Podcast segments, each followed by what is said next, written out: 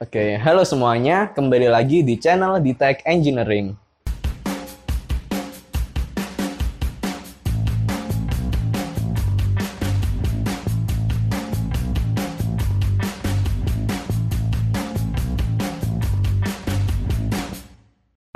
Sekarang di Detect Engineering kita punya sesi baru namanya Tech Talk. Eh, jadi di sini nanti kita bakal ngomongin eh, tentang teknologi-teknologi yang sedang ramai sekarang ini kita bahas, kita ulaslah lebih detail eh, dari sisi teknisnya, engineeringnya, dan lain sebagainya. Nah, untuk topik Tech Talk pertama kita kali ini, kita bakal membahas tentang Tesla Cybertruck.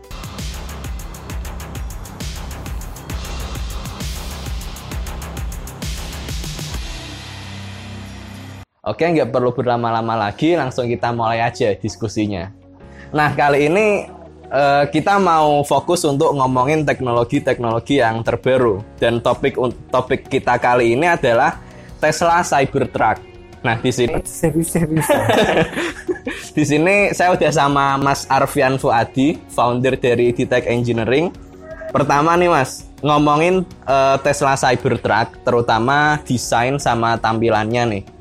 Jadi kan eh, ada orang yang nganggep desainnya itu futuristik, tapi ada juga orang yang nganggep kayak desainnya itu nggak niat. Nah, menurut Mas Fian itu gimana terkait desainnya itu? personal lah Ya, personal, Mas. sing pertama itu menurutku salah ngasih nama Cybertruck truck kan gede nak neng, neng Indonesia gak, Oh. gak berlaku itu neng kene kudune jenenge Cybercall gitu call call call sing ngangkut sayuran ngono. Itu Cybercall Heeh, tapi nek di US kan Ya, truk kayak gitu, Mas. kan aku orang Indonesia. Yang pertama mungkin salah nama. Tapi in term of design ya it's okay sih. For me bagus desainnya ada di uh, aerodynamically oke tapi kalau reference kan ya beda orang beda selera kayak gitu ya. Bebas juga ngomongin ini. Terlalu simple ini terlalu gak niat ini terlalu Iya. ini terlalu futuristik itu bebas juga. But, eh, kalau menurut saya ya suka-suka yang desain gitu kan ya. Soalnya gini kalau desain sesuatu itu kan tentu saja pasti ada risetnya toh pasti ada desain filosofinya gitu. Kayak kita kalau desain kan pasti ada nih oh desain filosofi yang pengen kita bawa apa gitu di titik engineering nah terus nanti desain filosofi itu di- digabungin dengan banyak hal market research terus manufacturability macam-macam itu teknologi sekarang udah bisa memanufaktur apa belum itu digabungin jadi satu jadilah produk kayak gitu. Jadi eh, dan perusahaan sebesar Tesla ya ya ada kemungkinan sih. Mungkin main-main ya bisa juga. Tapi ya mereka juga kan. That's okay gitu. Soalnya kan emang desainnya itu istilahnya nggak ada yang ngira gitu. beneran kan, Mas? dia jalan mas kan. Ya nggak ada yang ngira juga. Mau ada private private rocket yang pergi ke bulan eh pergi ke Mars tuh it's about Tesla kalau menurut saya. Jadi suka-suka mereka toh. Banyak yang beli kan ada yang beli kan banyak. kan? Di bulan toh. update 27 November itu eh, yang pre-order udah 200 ah sih. Ya balik lagi gitu. It's about taste gitu. Kayak VW Vito gitu kan? Apa? VW Vito Ah. gitu laku jutaan puluhan juta biji juga. Tapi kan kalau ada orang yang masa mobil kecil ngono bentuknya? Enggak. Cuman ada yang ngefans sampai sekarang masih bagus so. ya namanya tes ya itu. Makanya itu ada market research segmentasi pasar kayak gitu kan. Untuk mengkerucutkan things gitu. Of course mungkin kita nggak bisa bikin produk yang buat everybody happy gitu. So kita perlu target kita pengen buat golongan ini ini tuh happy gitu so produk yang kita kembangkan seperti apa kan kayak Nah, misal nih Mas, kalau misal ada bagian serius serius Iya. Misal ada bagian yang perlu ditingkatkan dari Cybertruck, itu bagian apanya menurut Mas Fian? Kalau menurut saya sih tanyanya salah. Saya tahu apa yang harus diturunkan gitu saya bisa jawab gitu. Harganya harus turun. Kalau yang perlu dinaikkan ya hon- honestly saya belum di, deeper tentang Cybertruck ini saya belum apa belum baca-baca, belum lihat-lihat, belum pegang, belum nyentuh gitu jadi ya nggak tahu saya.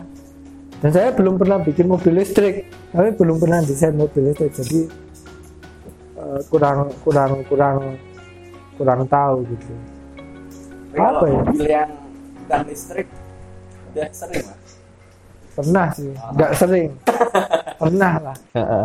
Nah ngomong-ngomong tentang desain mobil nih mas, sebenarnya prinsip apa sih mas yang diperhatikan dalam desain mobil? Terus dulu kan Ditek juga pernah desain GT40 sama AC Cobra. Heeh. Nah itu gimana mas? Boleh diceritakan? Aspeknya terlalu banyak loh, beda. Jadi gini, jadi saya paling susah nih kalau ditanya. Misalnya kita harus tahu partikular produknya dulu apa gitu. Challenge-nya nanti ya sebenarnya gini kok apa? Apa ya? Kita itu nggak pernah mengeneralisir. Kalau ngebangin ini harus gini gitu no. Karena sekarang kan dynamic gitu. Jadi ya kita ngembangin mobil sama-sama mobil jenis A gitu. Tahun ini dengan tahun depan udah beda jalannya. Nah itu yang yang apa ya, yang yang kita pelajari gitu so aspeknya ya banyak banget gitu banyak banget. Tapi yang jelas core-nya ya pertama eh, of course orang beli kan lihat fungsi manfaat segala Fungsi- fungsionality gitu. Even ada yang mobil yang kita desain kayak WDK GT40 gitu kan fungsinya itu meningkatkan level kegantengan seseorang gitu kan. Loh, keren mobilnya loh. Loh ada juga gitu. So of course kita beda dong dengan develop base gitu yang fungsionalitinya loud and clear untuk mengganggu banyak orang safely gitu. Ten- tentu beda lagi considerationnya marketnya siapa a lot of things gitu. Jadi kita ada ini nanti bikin sesi sendiri mungkin ya. Ada sesi design thinking gitu. Nanti kita breakdown mulai dari yang simple agak kompleks kompleks gitu nanti kita breakdown. Nah, bikin terus tuh ya Iya mas, tiap Ya, nanti minggu ada video baru. Mas Mas Utimen atau Pak Diwanis nanti Ah. bisa mengisi untuk sesi desain thinking Heeh. Nanti habis ini tuh eh, ada sama Mas Hendri ngelanjutin tentang Cybertruck. Oh, Om. Om. Om Hendri. Oh, Hendri. yang boleh Ngelanjutin. dipanggil Mas hanya Mas Utimen Oh, oke. biar awet muda Yang lain biar awet tua. biar cepet tua. Nah, ini nanti kita juga ngelanjutin sama Om Hendri, Mas. Eh, untuk eh, diskusi soal Cybertruck karena dia juga udah riset lebih banyak juga tadi katanya. Heeh. Makanya nanti bikin Pak mungkin, Mas. Mungkin udah, Mas, itu dulu aja. itu tak Iya. oke oke thank you for Oke, the- thank you Mas. Eh, sekarang ini saya udah sama Om Hendri. Om Hendri ini dia eh, senior engineer di Ditek. Eh, senior engineer tapi umurnya masih muda, Iya. 23 tahun, Mas. Oh, 19 ya, 23 tahun. Ya, mirip-mirip lah kita. Iya, mirip. Nah, ini kita eh, lagi ngomongin tentang Cybertruck nih, Mas. Oh, keren Mas. Heeh. Oh, yang ini ya, Mas, yang kotak-kotak. Heeh. Yang gambarnya 8 bit. Oh, iya.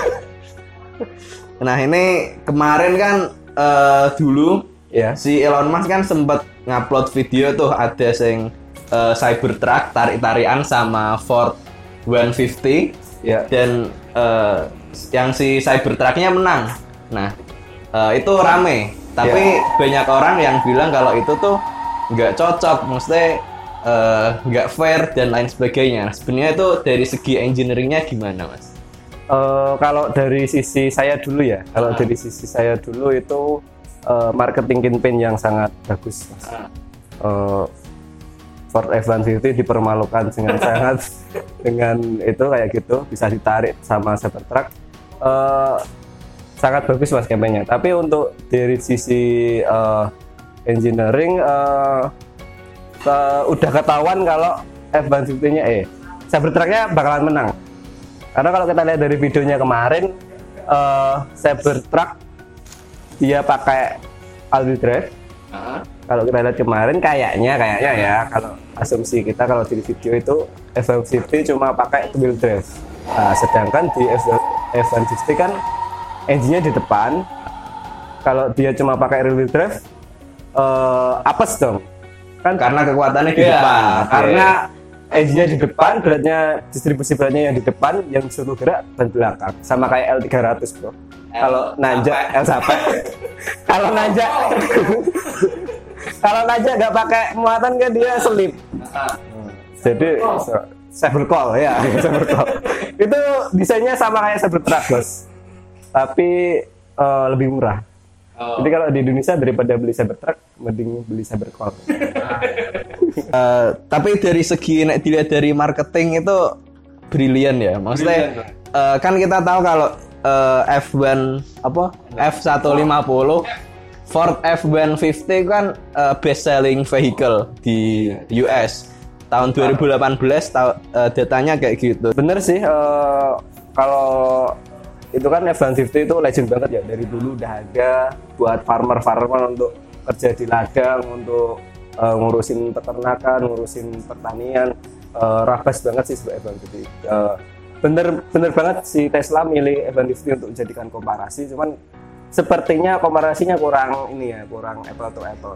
Kayak ini mas, beli Kalia sama beli eh, Innova, habis itu diadu. Pasti ya milih Innova lah. Mm-mm. Karena harganya juga kan beda. Ah, ah, harganya juga beda jauh sih. Iya, Kalau 10.000 F1 ah, F1 Ford eh, apa sih? F150. Sa- F150. F150 itu harganya 27.000 US dollar. Iya. Kalau yang Cybertruck sampai 39.000. Itu harga promo atau udah? Iya. Iya ya. Saya kadang Tesla kalau jual mobil dia lojinya berapa nanti yang di customer berapa. Biasanya sih. Oh iya. Nah, eh, terus ini pertanyaan eh, sebenarnya sama kayak pertanyaan yang tadi tak sampaikan ke Mas Fian. Kalau misal Mas Hendri ini punya kesempatan nih buat ningkatin desain Cybertruck itu yang mau ditingkatin apalagi atau mungkin ada yang mau dikurangin? Eh, gimana ya? Susah itu. Eh, itu udah paling bagus sih kalau 8 bit.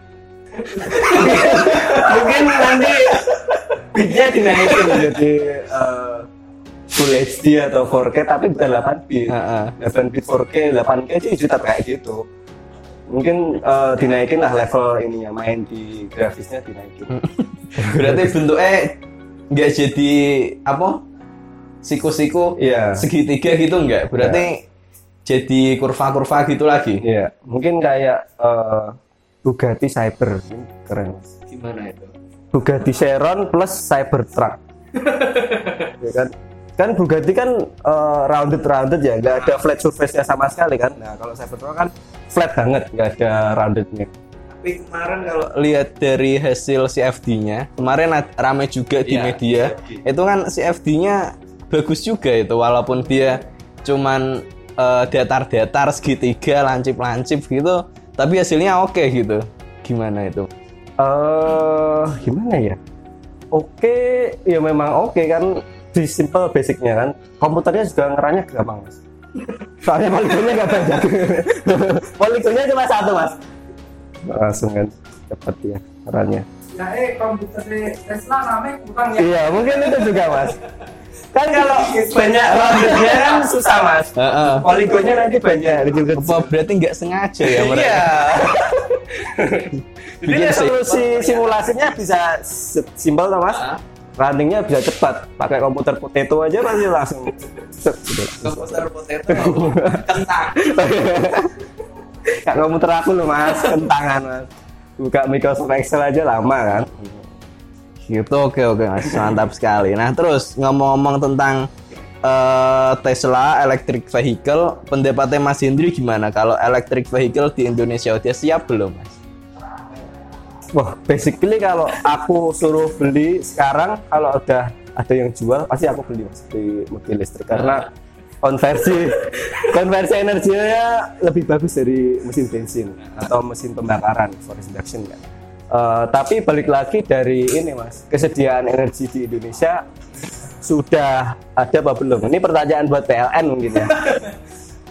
kan eh, itu kembali lagi ke konversi mas kita dulunya beli bensin atau solar, kita beli listrik. Kan harus kita konversi. Sehari itu berapa sih bensin atau solar yang kita habiskan? Berarti itu harus dikonversi ke listrik. katakanlah misal eh, dari energi bensin itu kita di Indonesia sehari 1000 Hari eh, hitungan energi aja langsung sa- 1000 megawatt Oh, misal. oke, 1000 eh megawatt. banyak eh kebanyakan ding banyak nggak sih 1000 megawatt itu gitu.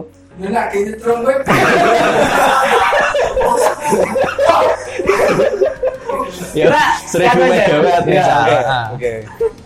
Efisiensi kita anggap efisiensi mobil listrik eh, separuhnya eh, bisa convert cuma butuh 500 500 megawatt 500 megawatt. Oke, berarti kan itu harus dikonversi ke listrik dan harus ada pembangkitnya. Eh, dari kesiapan PLN sendiri eh, udah mampu belum untuk memproduksi listrik seperti itu dengan demand yang seperti itu. Kan eh, itu kembali lagi ke konversi energi. Kan nggak mungkin ya eh, listrik yang kita pakai sekarang cukup kan nggak mungkin juga. Nggak mungkin kan? Karena eh, kalau pakai JZ pakai bensin lagi pak. Ya berapa sih konsumsi bensin tiap hari di Indonesia? Nanti dikonversi ke energi listrik. Berarti kita harus produksi listrik berapa kilowatt setiap hari? Megawatt. Setiap hari ya kan berarti kita harus bikin pembangkit listrik berapa lagi gitu untuk mencukupi kebutuhan berkendara kita tiap hari untuk berangkat kerja gitu. lebih ke penyediaan energi Ya, lebih ke penyediaan energi. Kalau eh, apa ATPM pembuat mobil listrik, pembuat mobil listrik misal Toyota atau besok, iya eh, produsen lah, produsen mobil. Besok mau bikin aja udah bisa sih sebenarnya. Itu PR yang lebih mudah daripada menyiapkan infrastruktur untuk mobil listrik ini. Infrastruktur dulu ya. Mungkin eh, sebelum ke full elektrik kita eh, yang paling dekat itu adalah ke hybrid. Ke hybrid. berarti dari permasalahan itu tadi nih mas berarti eh, pemecahan untuk Iya. masalah itu gimana solusinya kira-kira Eh, harus kita harus cari energi yang paling efisien untuk dikonvert mas. Kalau di PLTC, apa mas PLTC? pembangkit listrik tenaga cinta. Oh. itu saat saya habis habis bener mas. Itu sih mas. mungkin itu dulu aja mas Terus apa mas? Ayo, nggak apa-apa. Udah lama Mas. ini. Nanti dilanjut lagi. Oke, terima kasih atas waktunya Mas Indri. Sama-sama. Mas Fasrul Iya, atau Om Fasrul. Mas aja masih muda kok.